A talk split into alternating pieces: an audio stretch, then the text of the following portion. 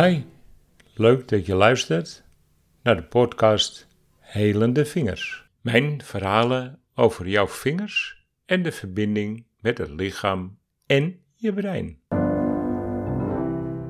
In de vorige drie afleveringen van De Vingers Liegen Niet heb ik al een beetje uitgelegd waarom ik de vingers zo belangrijk vind.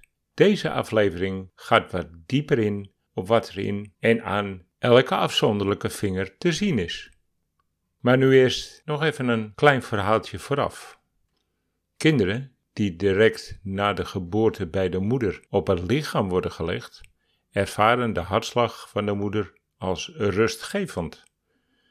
Ten slotte was het niet prettig opeens de wereld te ervaren na een lange tijd in een veilige omgeving. Het is dus een rustgevende herinnering aan de baarmoedertijd. De warmte en het gevoel van de geborgenheid is al die tijd in de baarmoeder ervaren en het kind wil dat gevoel in het leven vasthouden. Ook tijdens de verdere groei in het leven is die aanraking noodzakelijk, omdat het vertrouwend gevoel helpt bij een goede ontwikkeling van het kind. Zeker in de eerste maanden. Als klein volwassene heb je een goede basis nodig om op terug te vallen. Begrepen zijn, de nodige aandacht krijgen, zeker als je honger hebt, of een vieze luier ervaart, maar ook de nodige aandacht als je bijvoorbeeld net wakker geworden bent en het idee hebt alleen te zijn. Hoge gevoelige kinderen voelen de omgeving nog eens extra sterker aan en is die behoefte naar aandacht en genegenheid vaak vele malen sterker. Ze tasten constant de omgeving af of ze wel de juiste aandacht krijgen, terwijl ze eigenlijk nooit veel aandacht nodig hebben. Het is het gevoel van controle willen, alsof ze de omgeving willen regelen. Uit ervaring weet ik dat ik liever ergens achteraan stond en de omgeving vanuit een afstand af kon tasten. En dat ik niet echt op de voorgrond en alle aandacht op mezelf gericht wilde hebben. Dat was niet alleen in mijn jeugd zo, dat was nooit anders in de rest van mijn leven. Bij een hecht en liefdevol gezin is dat vanzelfsprekend. Maar het is soms wel even heel anders. En voor die mensen die een vervelende start hebben ervaren en last van hun verleden hebben, heb ik vingerreflexologie ontwikkeld.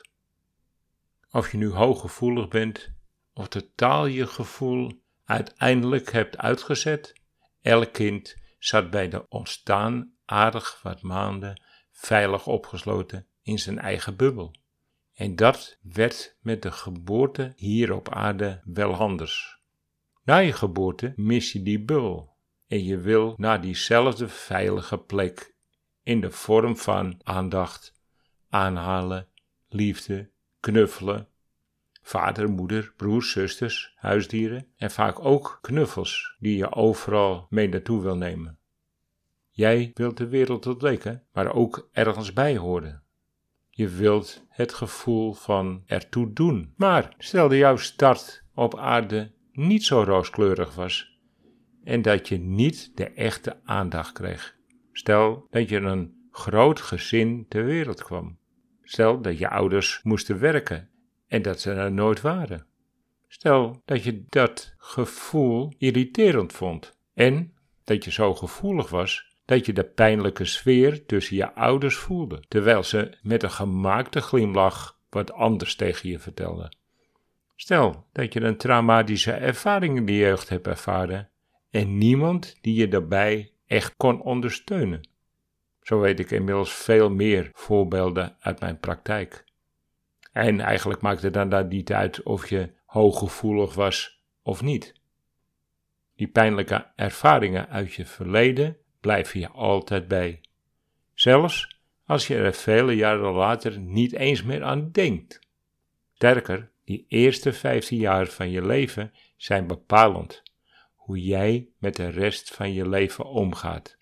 Wat je toen in die tijd hebt ervaren, neem je voor altijd mee. En het wordt jouw manier van hoe je naar het leven kijkt. Een patroon die jouw leven dus onbewust bepaalt. Een visueuze cirkel, zonder het echt in de gaten te hebben. Jouw ervaring op je leven is zo logisch dat je niet eens weet hoe het anders zou kunnen. Ik weet er alles van, want ik ben zelf ook die ervaringsdeskundige. Mijn leven na mijn vijftiende was precies hetzelfde. Ik leefde dus eigenlijk elke dag weer mijn verleden zonder met mijn verleden bezig te zijn. Totdat ik het door had. Maar veranderingen zijn toen niet zo gemakkelijk als gedacht. Gelukkig had ik de kennis over die vingers al en leerde hoe ik dat pijnlijke verleden bij mezelf kon veranderen. Toen ik anders ging kijken naar mijn verleden, lag opeens een hele andere toekomst op me te wachten. Een toekomst die voor mij bestemd was, maar nog niet kon plaatsvinden omdat ik nog met mijn pijnlijke verleden zat.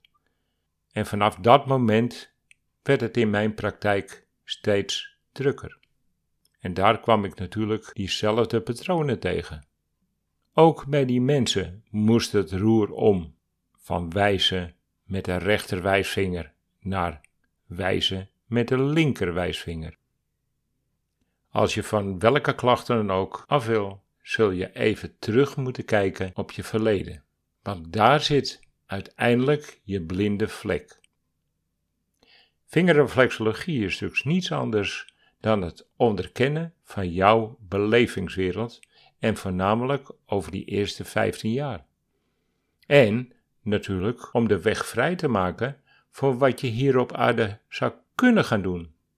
Dus van leven hoe jij de ander ervaart, wat de anderen jou vertellen, naar doen wat je vanuit je hart wil gaan toepassen.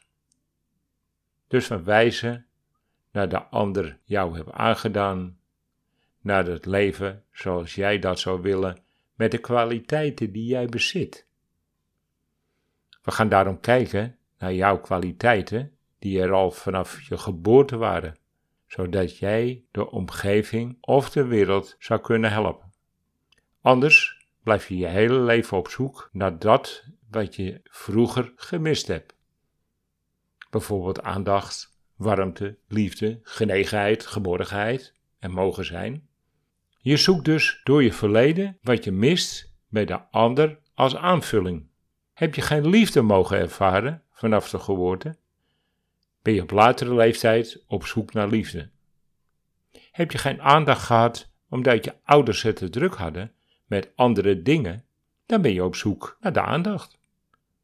Vanaf de geboorte verwacht je de aandacht te krijgen die jij mist. Krijg je die in jouw ogen niet, dan ga je op zoek naar de ander die dat wel zou kunnen geven. Jammer genoeg kan een ander daar nooit aan voldoen en zal het zoeken jou niets opleveren. Of de verkeerde mensen op je pad zetten. Of wegrennen van huis en daar dezelfde soort persoon treffen waar je van wegvlucht. Of elke keer zeggen: Dit wil ik niet, maar totaal geen weten wat je dan wel zou willen. Je mag bij mij je middelvinger opsteken. Ik begrijp wat je hebt meegemaakt. Maar weet ook hoe je uit die visueuze cirkel kunt stappen. Het mooie is van vingerreflexologie, op de middelvinger van je rechterhand kan je zien hoe jij jouw emotioneel verleden hebt ervaren. En op de vingers op de linkerhand kun je ontdekken wat jouw werkelijke missie is. Maar er is meer op die vingers waar te nemen. Want we gaan op zoek naar werkelijke oorzaak van jouw visueuze cirkel. En elke vinger heeft dan zo zijn specialiteit. We gebruiken de vingers ook als een diagnose. Zullen wij eens naar jouw vingers kijken? We beginnen met je duim op de rechterhand. Die hand, en dus ook de vingers, staan voor het denken, het verleden en al jouw ervaringen. De duim staat voor communiceren met je verstand de wijsvinger. Wijzen naar anderen, naar wat jij hebt gemist of wat anderen je hebben aangedaan. De middelvinger. Onverwerkte oude emoties en vaak de emoties die weggestopt zijn. De ringvinger. Controle willen hebben. Gehechtheid. Op zoek naar. De pink. Staat voor onzekerheid. Geen daadkracht. Geen wilskracht. We gaan naar de linkerhand. Die staat voor je creativiteit, toekomst, je hartsverbinding, je connectie met alles wat is, je verbinding die je al eigenlijk bij je geboorte voelde, maar tijdens je leven kwijt bent geraakt. We beginnen weer bij de duim, op de linkerhand. De duim staat voor communiceren met je intuïtie.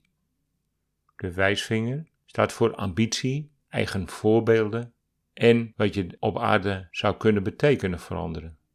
De middelvinger, controle over je emotie. En de pink, zelfvertrouwen en je eigen richting bepalen. Waar zijn we dan op zoek? Niet wat je hebt ervaren, of dat een trauma is of een gebeurtenis. Eigenlijk heeft iedereen zo zijn eigen waarheid als het over gebeurtenissen gaat. En wil je daar gelijk mee hebben en bewijzen dat je gelijk hebt? Of wil je geluk, zeg ik dan? Want heb je het persoonlijk ervaren? Hebben anderen het gezien? Zijn er broers en zusters die hetzelfde hebben waargenomen? Iedereen heeft een eigen mening. Het is jouw emotie die bepalend is. Eigenlijk, wie heeft er dan gelijk? Met de meeste emotie? En die emotie die jij ervaren vormt jouw vingers. En waar we naartoe op zoek zijn, is de emotie van het onderliggend proces. Want waar ging het eigenlijk over? Ik ben op zoek naar het woord van jouw gevoel door die gebeurtenis. Dat diepere proces zit verborgen in je systeem, maar heeft invloed in jouw dagelijkse leven. Want vaak is het een steeds terugkerend proces waar jij tegenaan loopt. Jouw emotioneel verleden lijkt wel elke keer weer op te doemen. Steeds als je denkt dat het wel gaat, gebeurt er weer wat en je bent weer terug bij af. Wat is de reden? Het brein wil je helpen. Vroeger nam je een bepaalde beslissing op een soortgelijk proces. En nu dat je ouder bent, kan het waarschijnlijk op een andere verloop krijgen. Maar je voelt hetzelfde gevoel en automatisch reageer je weer op dezelfde manier. Waarom? Niet omdat je dit weer moet ervaren, maar omdat je dit oude beladen emotie nog niet achter je hebt gelaten. Niet over het voorval, maar hoe het erna ging en wat er meer aan de hand was. Ik neem even een voorbeeld van mezelf. Toen ik vertelde dat ik mijn engelen zag en erover ging praten tegen de mensen. Ik werd niet geloofd door mijn ouders. Eigenlijk probeerden ze mijn mond te snoeren. En vanaf dat moment had ik altijd de indruk dat niet alleen mijn ouders, maar ook anderen niet naar me wil, zouden willen luisteren. Mijn antwoord dus niet gehoord worden. En elke keer in je leven dat je zo'n proces weer meemaakt, komt het oude pijn direct weer naar boven, onbewust hè. Zelfs als je veel ouder en volwassen bent, reageer je emotioneel weer zoals vroeger. Zelfs toen ik alles leerde over de vingers en de mogelijkheden om anderen ermee te helpen. Want in mijn hoofd zat, ze luisteren toch niet, omdat ze niet echt begrijpen wat ik weet. Het veranderde toen ik het effect zag wat ik wist en wat ik toepaste. En dat veranderde niet in mezelf, maar ook in de mensheid. Ja, je zal nu wel snappen waarom ik zoveel praat. Ik heb nou eindelijk de aandacht. Maar we gaan natuurlijk op zoek naar de, de antwoorden bij jullie. Wat is de onderliggende klacht die repeteert in jouw verleden? Dus zeg maar dat je een traumatische ervaring hebt meegemaakt. En dan wil ik dat je verder kijkt naar dat wat je toen ervaarde. Werd je geloofd door anderen?